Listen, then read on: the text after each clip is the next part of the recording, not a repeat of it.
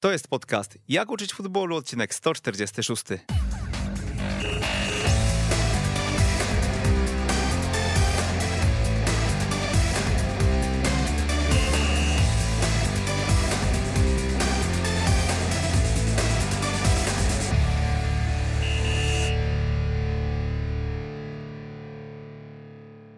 Jak uczyć futbolu 146. Idziemy za ciosem po emisji pierwszego panelu dyskusyjnego z udziałem Jakuba Sagę i Tomasza Wilczewskiego przed tygodniem. Dziś odcinek z Markiem Śledziem i Tomaszem Tchórzem, ale także z wami, bo spośród ponad setki trenerów, którzy 31 lipca na trenerski meetup e, wybrali się do Wrocławia, kilku zabrało głos i kilku będzie tutaj słychać. Przypominam, że ten odcinek ten podcast to nagranie właśnie panelu dyskusyjnego o periodyzacji taktycznej, a konkretnie o jej zmierzchu. E, nagranie z czasoprzestrzeni z zajezdni Dąbie e, z tego eventu, który miał miejsce w ostatni dzień lipca 2021 roku. Czy periodyzacja taktyczna zatem się kończy? E, na to pytanie poznacie odpowiedź już za chwilę.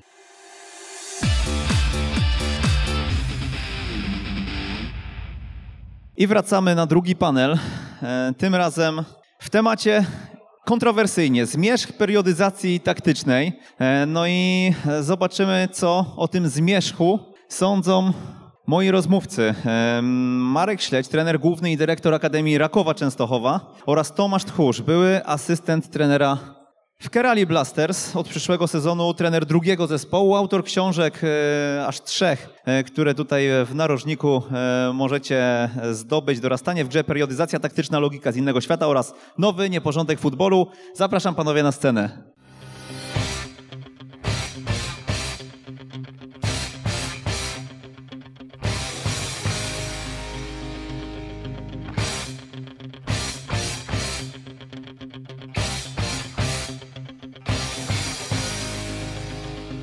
No dobrze, e, ja zacznę, ale jak zwykle będę próbował od Was wydobyć e, pytania, bo to dla Was jest to spotkanie i to dla Was e, jest ten meetup. Panowie, ten zmierzch nie jest przypadkowy. Ostatnio bardzo dużym rozgłosem, myślę, dużym echem odbiła się moja rozmowa z Krystianem Busztą. Niestety Krystiana dzisiaj tutaj nie ma. Były takie plany, żeby go e, również e, tutaj ściągnąć do Wrocławia, ale on zdaje się, że jest w Hiszpanii e, obecnie i nie mógł się tutaj pojawić. Pewnie byłoby dużo, dużo ciekawiej, gdyby on się mógł odnieść do tych wszystkich spraw, bo poza tym, że jak uczyć futbolu trochę zamieszał i troszkę gdzieś tutaj ta tematyka, o której powiedział, stała się głośna, no to też y, o niej będziemy sobie dzisiaj rozmawiali. Przesłuchaliście tej rozmowy. Na co zwróciliście szczególną uwagę? Być może jest coś, z czym się nie zgadzacie. Dzień dobry. E, tutaj uważam, że cisza ze strony pana trenera Śledzia e, oznacza, że ja powinienem zacząć, także e, faktycznie przesłuchałem tę rozmowę, o której mówisz Przemek, z Krystianem. Prawda jest taka, że ciężko jest mi się wypowiadać na ten temat, dlatego że ja nigdy nie poznałem e, tego treningu, tej metodologii, o którym e, mówi Krystian, więc e, bardzo ciężko jest też powiedzieć, będąc przekonanym, czy te metodologie są ze sobą zbieżne, czy się od siebie różnią. Jedynie mogę się wypowiedzieć, dokonując takiej analizy słów, które właśnie wypowiedział Krystian w tej rozmowie. W moim odczuciu Jedyny e, problem, jaki tam zauważyłem w tym, żeby e, zrozumieć, czy one są zbieżne, czy nie, to jest po prostu zrozumienie, e, czym jest metodologia i czym jest metoda. Ja uważam na tyle, na ile zrozumiałem słowa Krystiana w postrzeganiu metodologii, o której on mówi, też występuje wiele metod, które proponuje jej autor. I Krystian często podaje przykłady tych metod, które wewnątrz periodyzacji taktycznej faktycznie nie występują z tego względu, że na tyle, na ile ja poznałem periodyzację, Vitor Frade nigdy e, nie przygotowywał żadnych metod. On po prostu przygotował metodologię, czyli na bazie poznania innych, e, innych przedmiotów skonstruował pewne wytyczne, skupiając je w pewne zasady metodologiczne i przygotował pewien kierunek, w jaki sposób można te metody samemu kształtować. I tutaj e, na podstawie właśnie na poziomie metodologii ja uważam, że jest bardzo dużo podobieństw. Natomiast y, jeżeli już wchodzimy na poziom metod i zaczynamy rozmawiać, w jaki sposób tworzyć środki do tego, aby e, prowadzić proces treningowy, no to wtedy już e, trzeba mówić bardziej o swoich jakichś e, opiniach i o tym, jak my widzimy rozwój naszej drużyny i zawodników. Dziękuję. Witam Państwa serdecznie, cieszę się, dziękuję za zaproszenie, bo to kolejne wydarzenie w moim życiu, w którym mogę brać udział. Super dobrana para, bo ja mam sporo lat więcej, więc Tomek będzie więcej mówił, a ja sobie posłucham. I jeszcze też pod kolor tutaj E, tak, no właśnie dlatego, że mamy krystaliczne charaktery, pewnie to dlatego ten ciemniejszy. Uspokoję Przemek Ciebie po tych pierwszych e, wydarzeniach wykładowych, że ja też z tego pierwszego wykładu niewiele zrozumiałem, także mogę usiąść spokojnie koło Ciebie. Posłuchałem oczywiście również tego wydarzenia, które, o którym mówiłeś i o, e, wczytałem się, no oczywiście pan Paco Seirulo jest postacią znaną, natomiast e, już pan Baszta, tak dobrze mówię? Buszta. Buszta jest mniej znaną dla mnie. No ja spokojnie poczekam, gdzie wprowadzi tą metodologię, ilu zawodników wychowa, ilu wychowa reprezentantów, nie wiem, Hiszpanii, Chin, Polski. Bo to wtedy będzie mówiło o tym, czy ta technologia ma w ogóle jakikolwiek sens, tak? Bo to, że e, my dzisiaj możemy postrzegać wiele intencji towarzyszących e, wielu obszarom szkoleniowym, które towarzyszą różnym nacjom, natomiast na, na końcu istnieje bardzo prosta weryfikacja, czyli efektywność. E, I oczywiście osoba pana Paco jest osobą efektywną jako metodolog, bo zaistniał w wielu dyscyplinach e, sportu, e, można powiedzieć, wielodyscyplinarnego klubu, jakim jest Barcelona.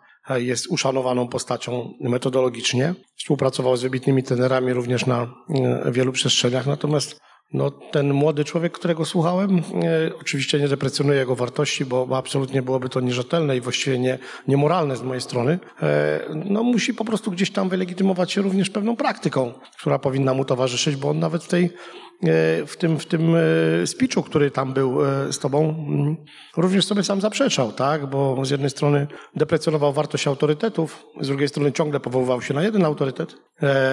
Generalnie deprecjonował wartość zasad, za chwilę mówił o zasadach, e, więc no, powinien ten kontekst być, tak mi się wydaje, bardziej e, sprecyzowany i przeniesiony tak jakby na forum pewnych doświadczeń praktycznych i wtedy myślę, że będzie można było to oceniać. Zresztą ja generalnie mam taki stosunek i tutaj mogę Państwa trochę może albo uspokoić, albo, albo nie uspokoić, trudno mi powiedzieć, e, sprowokować, że spojrzę na, spoglądam na wiele rzeczy, które się dzieją, może z racji tego, że też wiele rzeczy już w swoim życiu przeżyłem, z perspektywy pewnego czasu, tak? jeżeli ktoś mówi o pewnej metodyce, metodologii, technologii, no to ja zazwyczaj zadaję pytanie, jeżeli no Tomek jest tutaj y, autorem książek, tak, więc ja żadnej książki w swoim życiu nie, nie napisałem, więc o periodyzacji ty będziesz mówił, ja sobie posłucham z przyjemnością. Natomiast y, mm, myślę, że jeżeli ktoś mówi o tym i mówi o pewnej interpretacji, która towarzyszy w danej technologii, no to ja zawsze zadaję sobie pytanie takie, gdzie to zostało zastosowane, w jakim klubie to zaistniało, ilu zawodników z tego klubu wyszło do jakiego poziomu,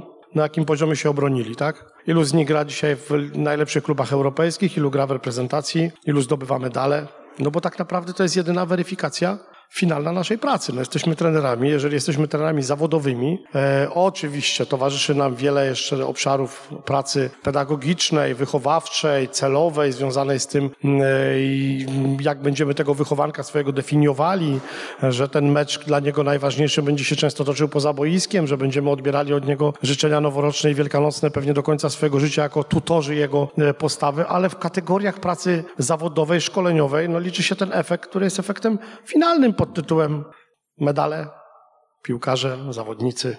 No nie ma inaczej, to nie ma innej weryfikacji. Po prostu jeżeli ktoś myśli inaczej, to uważam, że wybrał zły zawód. Na ile panowie śledzicie to, co się dzieje w Europie, jeżeli chodzi o właśnie metodologie szkoleniowe? No bo tak, e, dzisiaj Tomasz funkcjonuje w periodyzacji, którą poznał e, jednak kilka lat temu, prawda? Trener Śledź jeszcze wcześniej zaadaptował to, o czym mówi Witor Frade w Lechu Poznań. Następnie przełożył to na kolejne akademie. No i moje pytanie, na ile gdzieś tam odświeżacie sobie to właśnie, co się dzieje w europejskich trendach pod tym względem? Hasło śledzicie to była sugestia do mojego nazwiska, rozumiem. Jak zwykle. Tak jest. Musi być dobrze, ten akcent. Dobrze. no to śledzę. Tak, śledzę. No oczywiście, że śledzę. No, poruszam się cały czas w obszarach, które towarzyszą mojej pracy. No, nie wyobrażam sobie, żebym pomimo upływu lat stawał się postacią niegodną choćby podjęcia jakiegokolwiek dialogu, tak? Ja mam świadomość absolutną, że moja łódka już, powtarzam to niejednokrotnie, na prawie każdym wystąpieniu już dawno dobiła do drugiego brzegu, że dzisiaj tu spośród Państwa jest wielu trenerów, którzy pewnie w wielu obszarach mają też bogatszą wiedzę, a pewnie zbierając pewne doświadczenia będą mieli lepsze wyniki swojej pracy.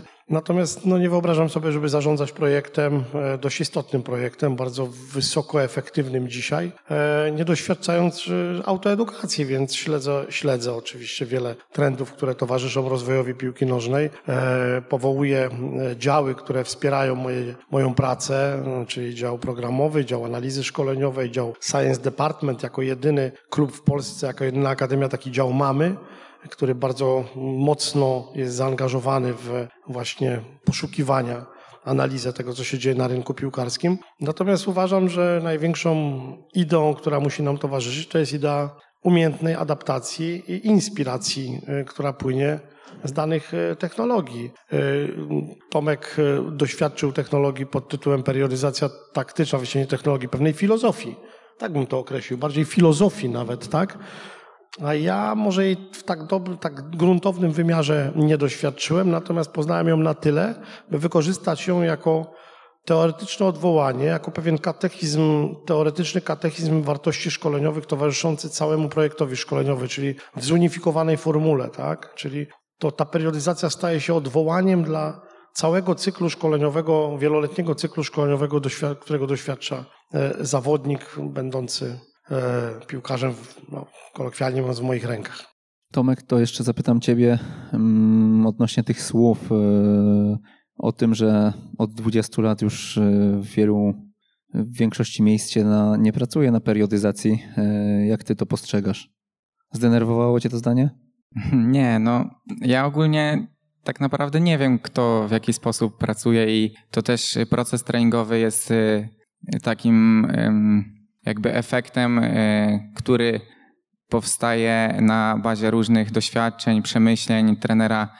I ten trener tych doświadczeń nie czerpie tylko z jednej strony od jednego człowieka, więc tak jak mówię, e, żeby powiedzieć, że ktoś pracuje w oparciu o periodyzację czy nie, ja w ogóle bym e, takiego stwierdzenia nie wystosował i zaraz powiem dlaczego. Tak jak tutaj trener Śledź powiedział, że bardziej traktuje periodyzację jako filozofię niż metodologię. Ja się z tym zgadzam i pomimo, że nawet e, właśnie Portugalczycy czy e, profesor Frade komunikuje, że to jest metodologia, to można ucząc się jej dostrzec, że metodologia to jest jakby nauka o metodach, prawda? Czyli powinniśmy mieć jakieś zdefiniowane metody, które funkcjonują w procesie treningowym i poddawać je nauce.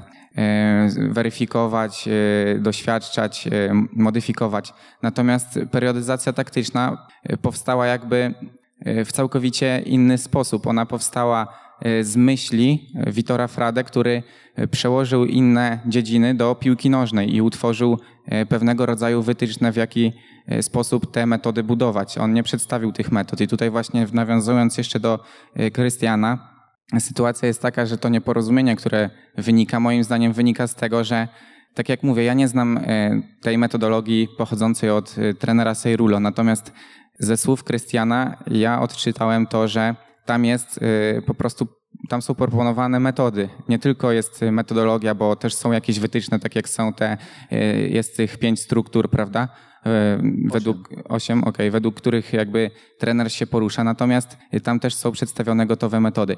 Więc ciężko jest ogólnie powiedzieć, kto trenuje w oparciu o periodyzację taktyczną, a kto nie, e, dlatego że trener ucząc się tych wytycznych, potem musi kreować swój treningowy świat według własnego uznania. I czasami e, jakby jego metody są bardziej zbieżne, czasami mniej zbieżne z tym, jakie są te wytyczne. To tak odpowiadając na pytanie, kto trenuje w oparciu o metodologię periodyzacji, jak to nie.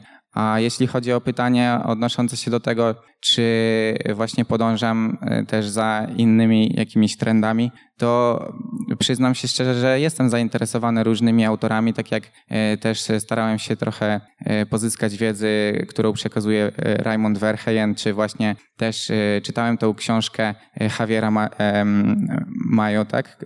O, o tym właśnie o porównaniu tych dwóch metodologii. Natomiast ja ogólnie jestem taką osobą, że po prostu w danym momencie robię to, co mi się podoba i teraz od momentu napisania tej trzeciej książki zauważyłem, że bardziej mnie pociąga tworzenie właśnie jakichś metod autorskich, takich pomysłów, e, gotowych recept i raczej e, uciekam w tę stronę, żeby proponować gotowe rozwiązania, aniżeli pozyskiwać jeszcze jakąś wiedzę, tak jak kiedyś robiłem to w przypadku periodyzacji.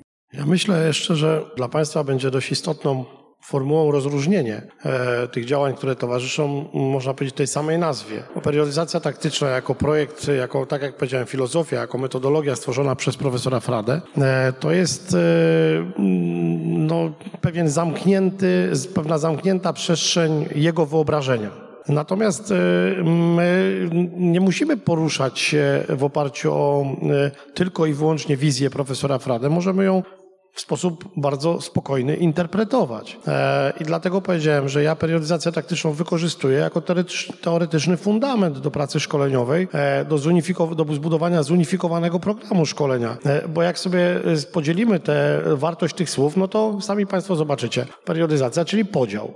Taktyka, czyli podział w oparciu o wskazania taktyczne tak? Czyli całkowita zmiana koncepcji, w, można powiedzieć, w całym cy wieloletnim cyklu szkolenia, bo do niedawna mówiło się o nauczaniu w oparciu o umiejętności, o technikę, o wyposażenie w umiejętności. Czyli mówiliśmy o tym, że e, ta metodyka dotyka, dotykała właśnie tych wyizolowanych czynności, które w ogóle nie dotykały działań taktycznych, tak? A wprost przeciwnie, jeżeli ktoś mówił o taktyce u pięciolatka, no to tak naprawdę narażał się niemalże na zdeprecjonowanie, na, na atak ze strony rodzica, bo intencja taktyki kojarzyła się z e, umiejscowieniem zawodnika na konkretnej pozycji, obarczeniem go konkretnymi zadaniami, zamknięciem go w przestrzeni. Tymczasem dzisiaj tu padło takie fajne zdanie o nauczaniu prowadzenia piłki ze strony Tomka. Ja przed chwilą to gdzieś tam troszeczkę spuentowałem w naszej y, rozmowie, no bo to prowadzenie piłki, w którym my nauczamy y, dziecko y, na przykładzie tego slalomu, no to jest prowadzenie odtwórcze. Taka sytuacja nigdy nie,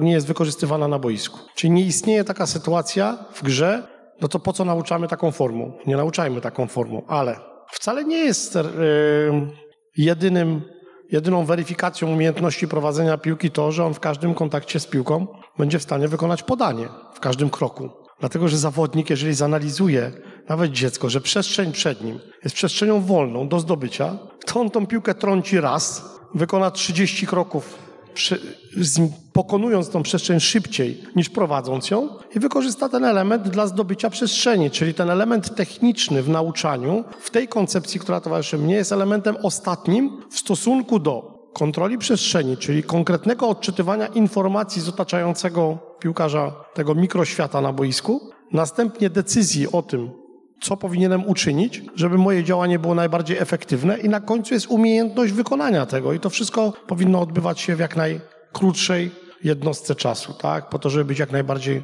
e, efektywnym. I znów, czyli mówimy o tym, wracam do tego prowadzenia piłki, ale jeżeli damy dziecku zadanie, temu pięciolatkowi, ja rzucam teraz z głowy. Jest tam jakiś kwadrat, powiedzmy 20 na 20, 15 pachołków różnego, czy czapeczek, czy nie wiem, jak tam sobie ta, teraz to, nie wiem, jak to jest nazywane. Wy mi podpowiedzcie, bo ja, ja ten narodowy model gry tak średnio znam.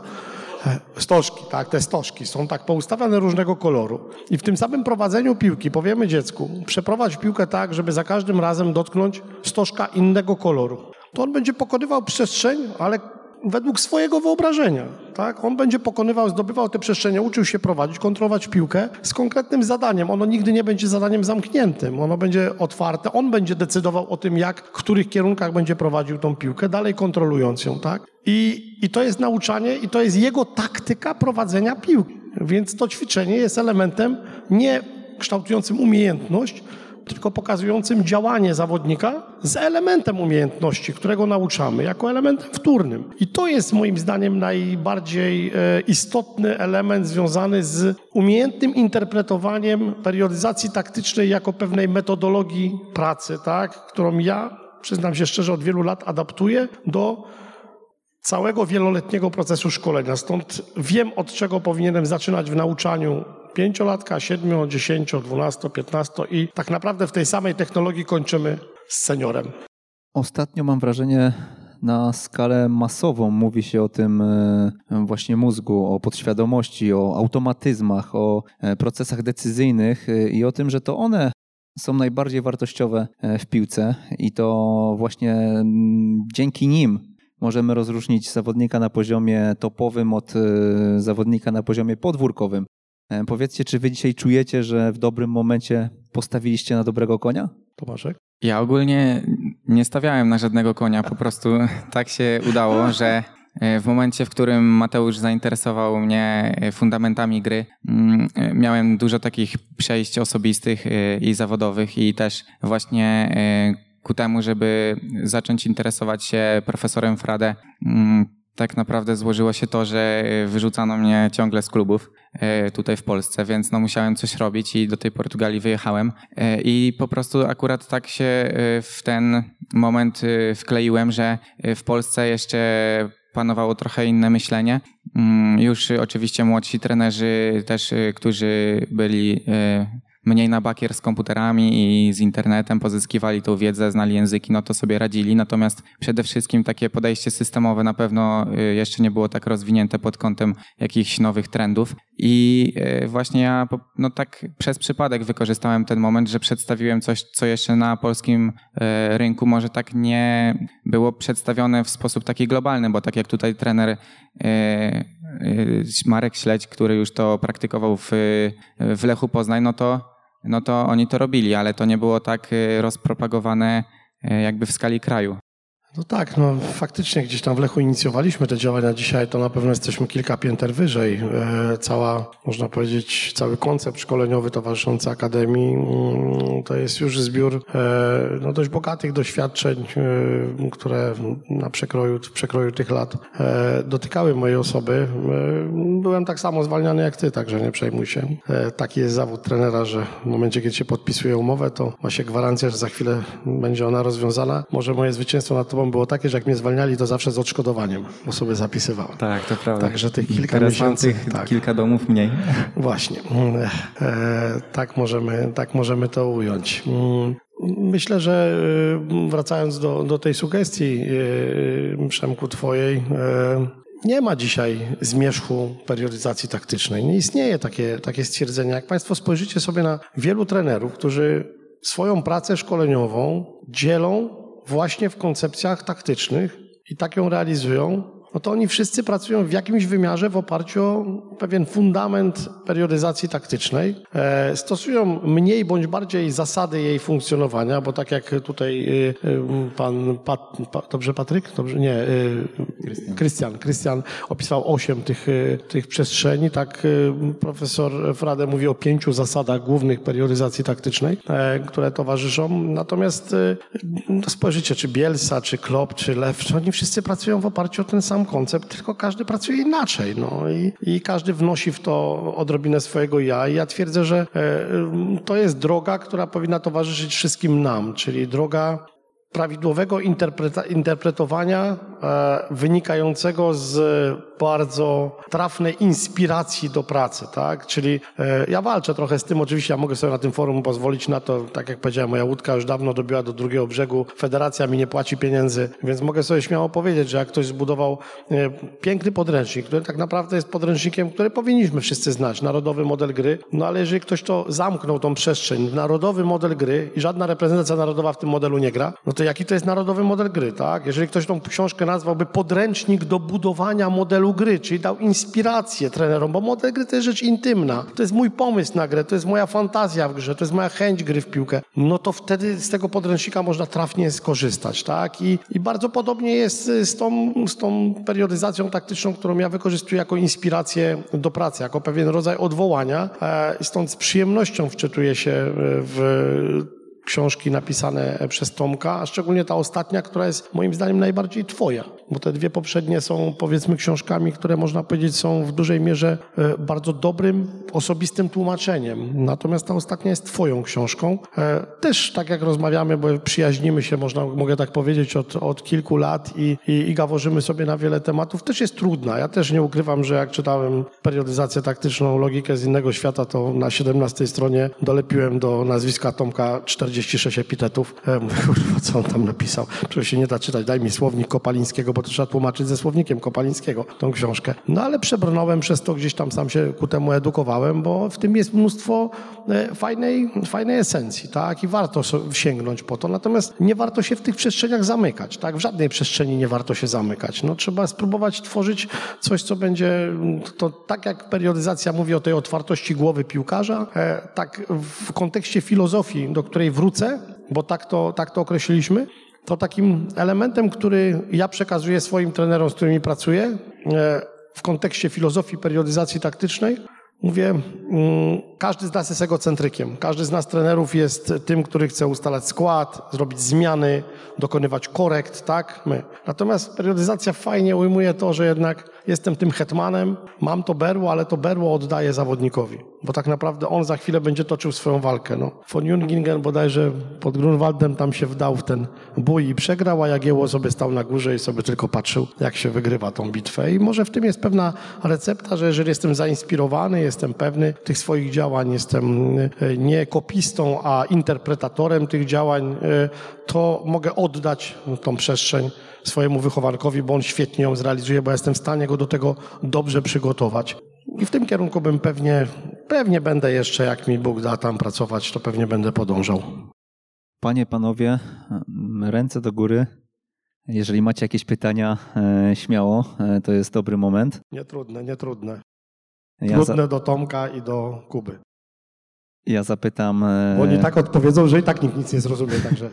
Będzie jeszcze, będzie jeszcze dużo, myślę, tutaj fajnych okazji, żeby e, i podyskutować e, później, jak zakończymy te panele i powbijać sobie szpileczki wzajemnie, także e, czekamy na odpowiedzi. E, dzień dobry. Ja chciałem najpierw zapytać, bo powiedzieliście, że periodyzacja dla was to jest trochę tak jakby filozofia, a nie metodologia. I chciałem prosić, żebyście rozwiali ten pomysł, bo Um, dla mnie filozofia to jest tak jakby, powiedzmy, no, trener chce po prostu grać na utrzymanie, chce grać tiki-taka, albo po prostu trener chce grać, nie wiem, prosto do przodu, efektywnie i tak dalej. Dla mnie osobiście to jest moja definicja filozofii i dlatego chciałem rozumieć, y, co macie na myśli. Ja odpowiem może jako pierwszy Tomkowi, tym razem zabiorę głos. Powiem tak, y, no źle, pewnie źle odczytałeś y, to, co przekazywaliśmy, bo ja bezwzględnie filozofię profesora Frade, znaczy inaczej koncepcję profesora Frady mogę traktować jako pewien rodzaj filozofii, ale nie, kontekście, nie w kontekście dedykowania piłce nożnej, tylko filozofii życia po prostu. Natomiast y, dla mnie periodyzacja taktyczna jest absolutnie metodologią, tak? Jest metodologią usystematyzowaną od fundamentu aż po strych, czyli od pięciolatka do seniora jestem w stanie pracować w odwołaniu do tej konkretnej teorii, która mówi o podziale etapów szkolenia w stosunku do działań taktyczno-technicznych, taktycznych, do działania zawodnika, a nie do jego umiejętności czy zdolności.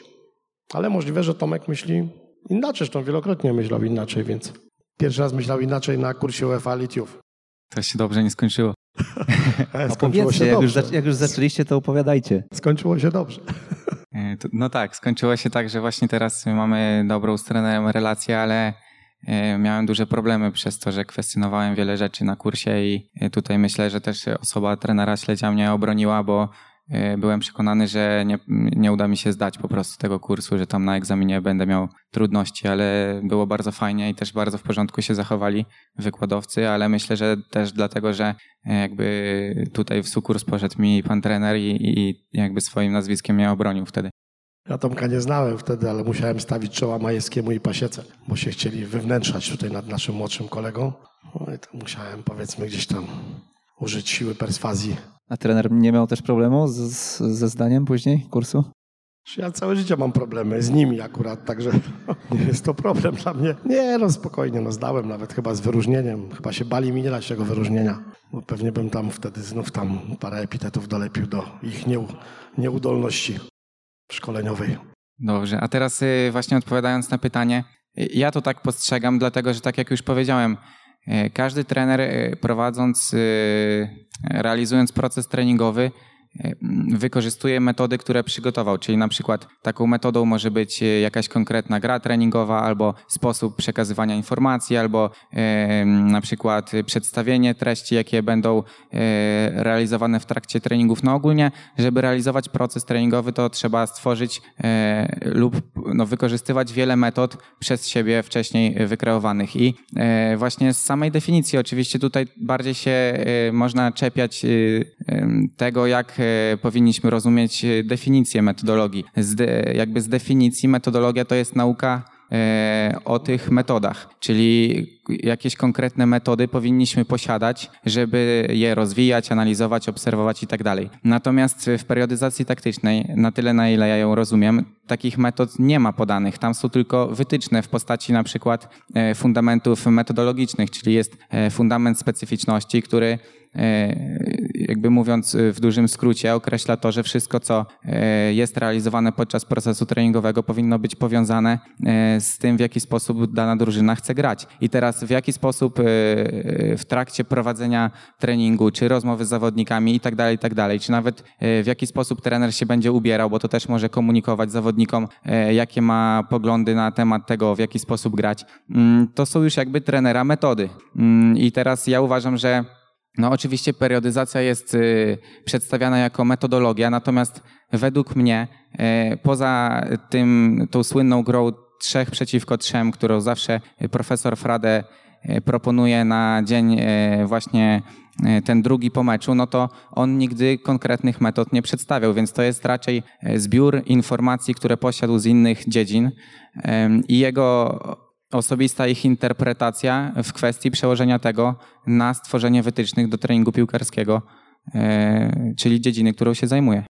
I fajnie, że to Tomek powiedziałeś, bo znów kiedyś miałem przyjemność spotkać jednego z dobrych trenerów i w rozmowie e, no, takich standardach europejskich powiedział takie piękne zdanie, że e, dwóch dobrych trenerów charakteryzuje to, że mogą usiąść ze sobą przy dobrej kawie, rozmawiać ze sobą dwie godziny, nie o piłce nożnej. Y, I to jest też takie, taka przenośna, przenośnia do tego, co powiedział Tomek, że, że faktycznie, żeby doświadczać y, metodologii, trzeba y, szukać w różnych przestrzeniach, tak? Żeby tą metodologię zbudować generalnie, trzeba szukać w różnych przestrzeniach i trzeba być otwartym na te przestrzenie. I to jest moim zdaniem e, takie clue, które mogłoby e, płynąć do państwa, jako do odbiorców, e, clue wynikające z E, tej akurat metodologii, którą ja stosuję, ale która może być przez Was w dowolny sposób zinterpretowana.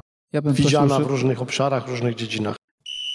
Trenerze, czy wiesz, że każdego miesiąca w ramach Szkoły Trenerów Online spotykamy się na szkoleniach online z trenerami, których słyszysz w jak uczyć futbolu? Najciekawsi goście z największą wiedzą do przekazania przekazują ją regularnie. E, przekazują ją e, w formie wykładów, w formie warsztatów, e, a osoby uczestniczące w szkoleniach otrzymują też prace domowe do realizacji na kolejne dni. 10 godzin szkolenia, dostęp do niego przez kolejne 14 dni. Jeżeli chcesz poznać szczegóły, zapraszamy na ekstratrener.pl ukośnik STO. Słuchajcie, zapytam Was, czy przez pryzmat tego, o czym nawet opowiadamy i e, przez wspomnienie, przez kurs e, UEFA Elite Youth, e, nie macie wrażenia, że postrzeganie periodyzacji bardzo się zmieniło na przestrzeni lat? No bo tak jak Tomek, byłeś traktowany pewnie przez te stare wygi na kursie, no trochę, już kiedyś ci to mówiłem, trochę jak oszołom. Natomiast, natomiast no gdzieś jedna osoba się za tobą wstawiła. Dzisiaj jestem przekonany, że proporcje byłyby zupełnie inne. Znaczy, ja ogólnie uważam, że Ludzie, jak nie znają mnie, to też bardzo często mnie e, negatywnie oceniają. I często jest tak, że w momencie, kiedy poznają mnie osobiście, to mówią, że ojej, nie spodziewałem się, że jesteś e, taki ok. I na przykład tak e, mogę tutaj podać nazwiska jak Łukasza Tomczyka czy Matiego Maciejewskiego ze Stali Rzeszów. Właśnie ta grupa słynna Deduktor, tutaj zrobię re jej reklamę. Mm, właśnie najczęściej tak jest. I teraz moim zdaniem nie do końca to jest tak, że tam ludzie byli przeciwko mnie, tylko nawet teraz jak rozmawiamy, czy to o Krystianie. E, to jest taka moja osobista, osobista uwaga, że jak może Krystian mówić o mnie w osobie trzeciej, skoro się tyle znamy, albo mówić, że nie wie, jak ja patrzę na piłkę, jak się tyle razy spotykaliśmy, albo na przykład są też książki napisane w języku polskim, które przedstawiają zawsze jakiś tam, prawda, cytat jakiegoś autora, ale tylko zagranicznego, a na przykład z mojej książki nigdy nie ma mnie na końcu zdania, więc jakby to nie do końca jest tak, że oni są przeciwko mnie, czy ludzie są przeciwko mnie, tylko jako osobie mojej, czy osobie kogoś innego, kto robi takie rzeczy, tylko po prostu moim zdaniem jest takie ego i też jakieś zamknięcie przed czymś nowym. Mm, każdy też, no, jakby wszyscy funkcjonujemy w piłce nożnej, więc wiemy, że każdy, często w piłce są takie osoby, to też jest moje e, zdanie, które do końca nie czują się dowartościowane, bo mają jakieś tam swoje osobiste problemy, a e, funkcjonują w tym świecie, gdzie są na świeczniku i to ego jest ich bardzo wysokie. No i później jest im ciężko zaakceptować fakt, że e, czegoś na przykład nie robią oni, jak ktoś inny i to nie jest atak personalny, tylko takie zamknięcie się przed czymś nowym. Tomek napisał taką dedykację w jednej z książek, którą otrzymałem od niego dla mnie. Tam jest takie piękne zdanie, że ludzie wyjątkowi muszą być gotowi na to, że będą marginalizowani. No i to tak trochę jest, że ta wyjątkowość, jeżeli mówimy coś, co jest y, powiedzmy nie do końca nieraz zrozumiałe, nieraz, zresztą ja przed chwilą to samo udowodniłem, mówiąc, że nie rozumiem, co mówił Kubata. No i też tam gdzieś próbowałem zdeprecjonować tą wartość, ale to tylko dlatego, że nie rozumiałem faktycznie wielu rzeczy, które, które mówił. E, i, ale to tak jest, po prostu tacy jesteśmy i pewnie jakoś specjalnie się e, wstydzić tych swoich osobowości e, nie musimy. E, pewnie nie łatwo nam jest przyznać się do tego, że, że, że czegoś nie wiem, tak? Ja często, nie wiem, czy są tutaj trenerzy, którzy byli u mnie na stażu, Filip na pewno jest, bo był chyba, e, tak. I pamiętam takie spotkanie, zawsze jak stażystów witam, są trenerzy z Ścisowej, tak jest, to też was tu poznaję. I, i na końcu stażu, właściwie nie, po pierwszym dniu stażu, na, po zebraniu, zazwyczaj spotykam się ze stażystami i zadaję im pytanie, czy wszystko z tego, co powiedziałem, było zrozumiałe. I teraz wyobraźcie sobie, siedzi sześciu, siedmiu trenerów na tym stażu. Każą, tak, tak, tak, wszystko było zrozumiałe. Ja wtedy zadaję trzy pytania dotyczące tego, wobec tego, co to jest y, subzasada e, działania diagonalnego, zdefiniuj ją, bo ja jej używałem. Mówisz, że rozumiesz. No i głowy w dół, jak na klasówce, nikt nic nie wie. No ale dlaczego tak się dzieje? Dlatego, że jak ich jest sześciu, no to żaden z nich nie, boi się przyznać do tego no, przed kolegami, że ja czegoś nie wiem, tak? A to, jest, a to nie jest kwestia tego, że nie wiem, tylko nie, ta nomenklatura, która była, którą my używamy, ta specyfika, która towarzyszy nam w Akademii, jest, y, może być niezrozumiała, bo trzeba po prostu wytłumaczyć tak? I ten trener jak podniesie rękę i powie, tak, ja nie wiem, co to jest ta subzasada, to my powiemy, oni ma tak, no to już rozumie, tak? I to jest wtedy cała korzyść płynąca z edukacji, z tego stażu jest zdecydowanie większa, no bo potrafimy się tam do czegoś, do czegoś przyznać. A jeżeli chodzi o tą ewolucję, można powiedzieć, nas również w pracy, no to ona cały czas nam towarzyszy. Dzisiaj tutaj wspomniany był e, wielokrotnie przez e, Jakuba e, profesor Chmura. Ja bardzo dawno nie rozmawiałem z panem profesorem, choć jesteśmy, mogę powiedzieć, kolegami, znamy się od lat, ale bardzo dawno dawno już nie rozmawialiśmy ze sobą. Właściwie poznaliśmy się na początku, można powiedzieć, mojej przygody zawodowej. No ale na początku profesor Chmura też pisząc książkę o szybkości, jak tam się wczytacie, to na przykład miał taki ulubiony swój podział na e, typ szybkościowy i wytrzymałościowy piłkarza. Pamiętacie takie podziały? On dzielił. Jeden, w zależności od progu przemian aerobowo anaerobowych, dzielił jeden, to był typ szybkościowy, drugi wytrzymałościowy. No mówię, jak pan to dzieli? No robimy testy i ci, co są poniżej, to są typ taki, a ci, co są powyżej w grupie, to są taki. Ja mówię, okej, okay, a jak ten zawodnik zmieni klub i będzie w innej grupie, to znaczy, że zmienił się jego typ? Bo nagle jego pułap, czy ta, ta, ta prędkość progowa jest w zupełnie innej skali, bo trafił do klubu, który ma, wszyscy mają zdecydowanie wyższe progi. W tym z niższymi progami byłby szybkościowcem, a w tym z wyższymi progami byłby wytrzymałościowcem. No w ogóle bzdurny podział, tak? E, który tam kiedyś zdeprecjonował również pan ten Kowalczuk w Hanowerze. No ale myślę, że dzisiaj, e, kiedyś profesor Chmura pisał o motoryce, jako tym tej tendencji, e, można by wyizolowanej. Dzisiaj już mówi o neuromotoryce, mówi o psychomotoryce, mówi o wielu innych rzeczach, które jest, których, których dotyka piłki nożnej jako znowu dyscypliny specyficznej, rozwojowej, zmieniającej się, tak? Też zawsze daję taki przykład, mogę Państwu tylko powiedzieć, 20 lat temu pewnie jakbyśmy szukali teorii szkolenia, albo inaczej koncepcji szkolenia, czy nacji, która dyktowała wartości szkoleniowe, też często to powtarzam, to jaka to byłaby nacja. Trenerzy tej nacji pracowali we wszystkich klubach, nawet u nas w reprezentacji był jeden. Holandia. Holandia. W Holandii byli wszędzie. Ajax grał w pucharach, reprezentacja Holandii była wszędzie. Na, nagle zniknęli z planety.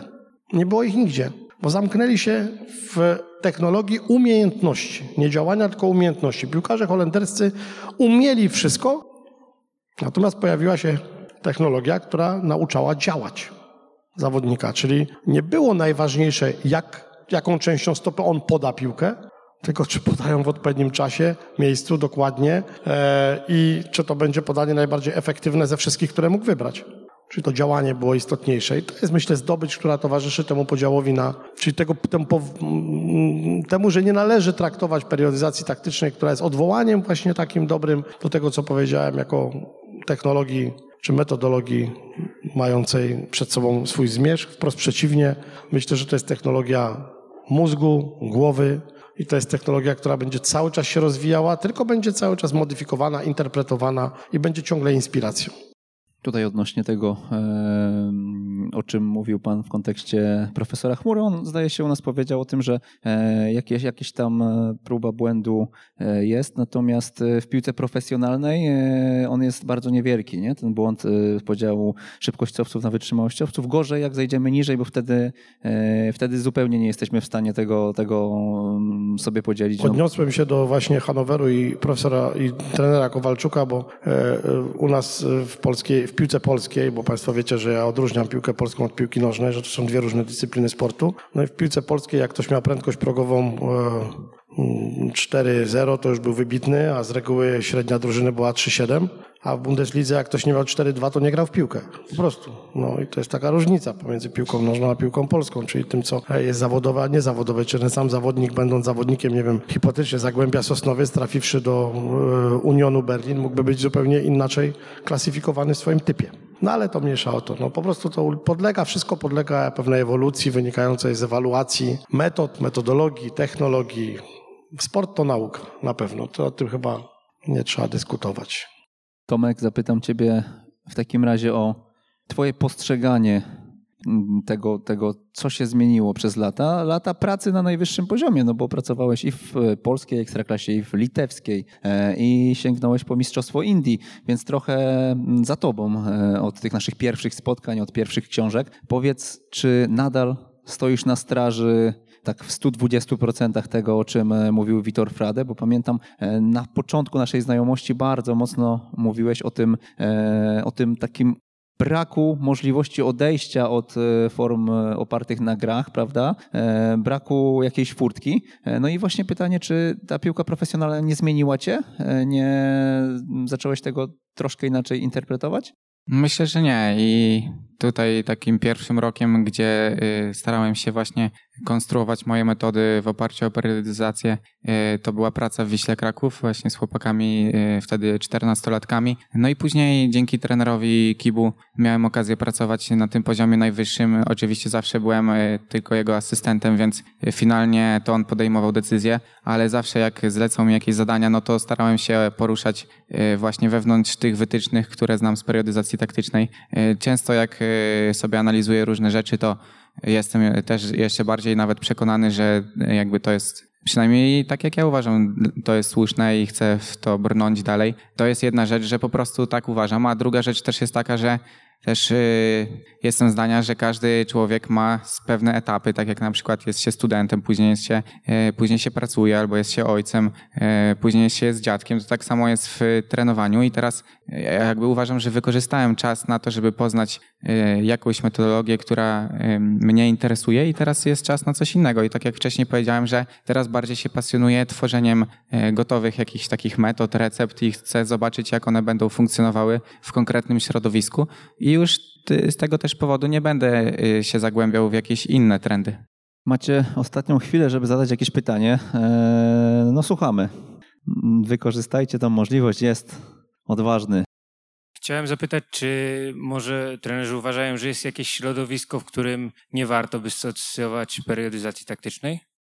Dlaczego? Uważam, że każde środowisko, które, którym przynajmniej z tego tak widząc periodyzację, jak ja ją widzę, to w każdym środowisku możemy ją zainicjować, zaadoptować. To nie jest y, kwestia środowiska. To jest kwestia, myślę, tylko i wyłącznie pewnego rozumienia ze strony trenera, który będzie to realizował. Ogólnie sprawa jest taka właśnie z tym pytaniem, że jakby każdy argument y, przez y, społeczność dziennikarską można obrócić w zaletę albo wadę. I jeśli chodzi o periodyzację taktyczną, z doświadczenia, które ja miałem pracując z trenerem Kibu, e, w Polsce było, e, to nie chodziło o to, że e, było bardzo ciężko prowadzić proces treningowy w oparciu o te wytyczne, o których wcześniej mówiłem, tylko była pewnego rodzaju nagonka medialna, która stwierdzała przeintelektualizowanie trenera. Teraz jeżeli ten sam trener w Polsce wygrałby Mistrzostwo Polski, no to to, że jest bardzo mądry i korzysta z nowoczesnych sposobów pracy, byłoby jako jego zaleta. I teraz y, ogólnie sprawa się y, ma do tego, że to nie jest y, to pytanie, które zadałeś, to nie odnosi się do funkcjonowania na boisku w trakcie treningu, tylko do przekonania piłkarzy do twojej osoby, bo ty, szczególnie jeszcze jak twoje nazwisko jest znane, to przyklejają ci jakieś łatki. I na przykład tak jak mi wszyscy przyklejają, że nazwisko moje jest z periodyzacją taktyczną związane. I później tą periodyzacją mogą cię albo wynieść na szczyt, albo po prostu cię zdeptać. I najważniejsze w pracy, szczególnie na poziomie poziomie zawodowym moim zdaniem jest to, żeby e, kupić zawodników i przekonać ich tym, jakim jesteś, jak, w jaki sposób e, nimi zarządzasz, do tego, że twoje metody są słuszne i e, żeby oni je zaakceptowali, w nie uwierzyli i za nimi podążali. I z punktu widzenia praktycznego, piłkarskiego, tego, co się dzieje na boisku piłkarskim, to nie można dzielić ludzi w ten sposób, że jedni, właśnie taka nacja jest w stanie, a taka nie. Bardziej mi chodziło o, o, takie środowisko amatorskie, czy, czy wtedy w, w tym środowisku, w, w, takich typowych grassrootsach byśmy stosowali tą periodyzację według trenerów?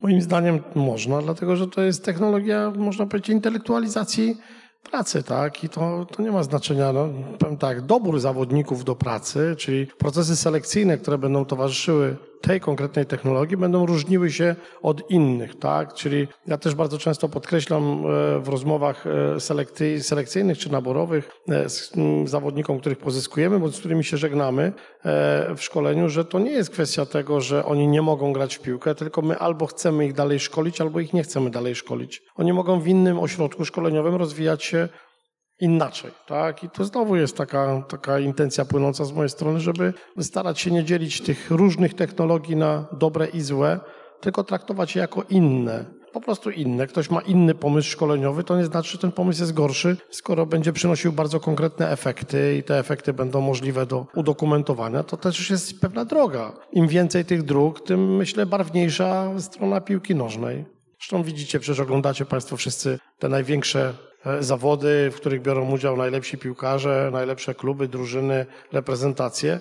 No i to jest zderzenie bardzo różnych pomysłów szkoleniowych. Bardzo różnych pomysłów szkoleniowych. I wielokrotnie pojawia się jakaś tam niespodzianka, w której oto ktoś osiąga sukces dzięki takiej, a nie innej koncepcji pracy. Tak? Ta różność powinna nam towarzyszyć.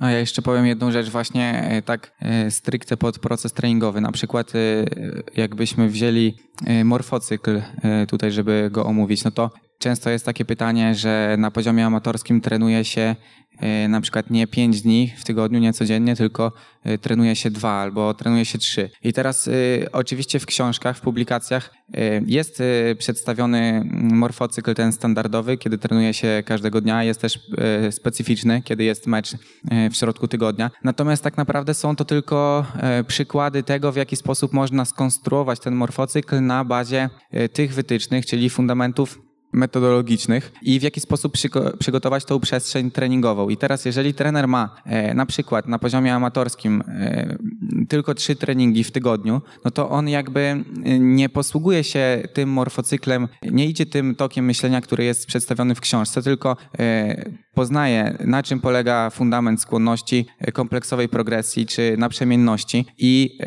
w, jakby układa morfocykl, który jest zgodny na podstawie tych wytycznych w środowisku, w którym funkcjonuje. I tak samo mógłbym podać no, wiele innych przykładów. Po prostu pracując w oparciu o periodyzację taktyczną, to znaczy poznać bardzo dobrze wytyczne, które y, profesor Frade przedstawia i zinterpretować te wytyczne e, w oparciu o to, w jakim środowisku się przebywa, do tego, żeby przygotować swoją metodę. Wobec tego, no jakby da się trenować to wszędzie, w każdym kontekście, czy to kulturowym, czy, e, czy nawet w obrębie jednego kraju w różnych miejscach. A mogę dopytać, czym się różni morfocykl od mikrocyklu? Bo nie wiem. No ogólnie różni się ty, definicją mikrocykl, czy mezocykl, czy makrocykl. No to, to są jakieś przestrzenie treningowe, E, określone przez y, e, czas trwania, czyli określone przez krótki czas trwania, e, dłuższy lub najdłuższy. Teraz jeśli chodzi o morfocykl, no to różni się to tym, że morfocykl jest zawsze sprecyzowany do przestrzeni treningowej od meczu do meczu i powstał, ta definicja powstała ze splotu dwóch słów morfo i cykl, czyli jest to cykl, tak jak już powiedziałem, a morfo z języka greckiego oznacza formę stałą i jest to takie odniesienie dokonane przez Fradę, że na tej przestrzeni treningowej musimy trenować e, cały czas e, to, co się wiąże z tym, w jaki sposób chcemy grać. Czyli innymi słowy, różni się to tylko definicją, ale definicją w periodyzacji taktycznej zamkniętą w ramy czasu, e, jaka odnosi się do przestrzeni meczowej, do przestrzeni treningowej od meczu do meczu. Jeśli chodzi o mikrocykl, mezocykl i makrocykl, to powiem szczerze, że nawet nie wiem, czy taka granica jest ustalona, ale są to po prostu przestrzenie treningowe, prawda? Nie mają w tej swojej definicji, nie mają takiego wielkiego jakby naznaczenia, e, nie ma które wynika... Nie ma wyznacznika, którym byłby mecz, który by w sposób jednoznaczny określał ten, te procesy zmęczenia no, intelektualnego, tak powiem, zmęczenia mózgu. Tak, to raczej wszystkie te teorie dotyk, dotykały przede wszystkim obciążeń e, motorycznych, tak, czyli zmęczenia fizycznego, a nie zmęczenia psychicznego, które akurat w morfocyklu jest elementem najbardziej istotnym, bo no, ta kompensacja, można powiedzieć e, inaczej, ten, ten, ten, ta, ten najwyższy poziom twórczości powinien być wtedy, kiedy zawodnik będzie rozgrywał swój mecz. Czyli powinien być najbardziej wypoczęty. Je, jeszcze tutaj dopowiem, e, ogólnie makrocykl, tak teraz e, o tym pomyślałem, jest to jakaś przestrzeń, która doprowadza atletę do finalnego startu i e, miałaby go przygotować do osiągnięcia jak najlepszego wyniku w tym starcie. I tak jak trener Śledź powiedział, w, tym, w tej przestrzeni nie jest powiedziane, E, w jaki sposób e, regulować jego zmęczeniem i wydajnością. I tutaj jeszcze różnica jest taka, że w morfocyklu, czyli w tej przestrzeni zamkniętej od meczu do meczu, e, praktykuje się grę w taki sposób, że jednocześnie powinien zawodnik jakby od, odpoczywać i pracować na maksymalnym poziomie wydajności. Wobec tego jest zawarta ta regulacja zmęczeniem i wydajnością. Marek Śledź i Tomasz Tchórz, dziękujemy serdecznie.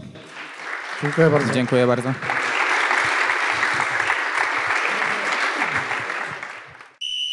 Jeżeli spodobał Ci się ten odcinek i wspólnie z nami chcesz podnosić poziom szkolenia w Polsce, o istnieniu podcastu Jak uczyć futbolu poinformuj jednego znajomego trenera, którego takie treści mogłyby rozwinąć. Z góry pięknie Ci za to dziękujemy i raz jeszcze do usłyszenia.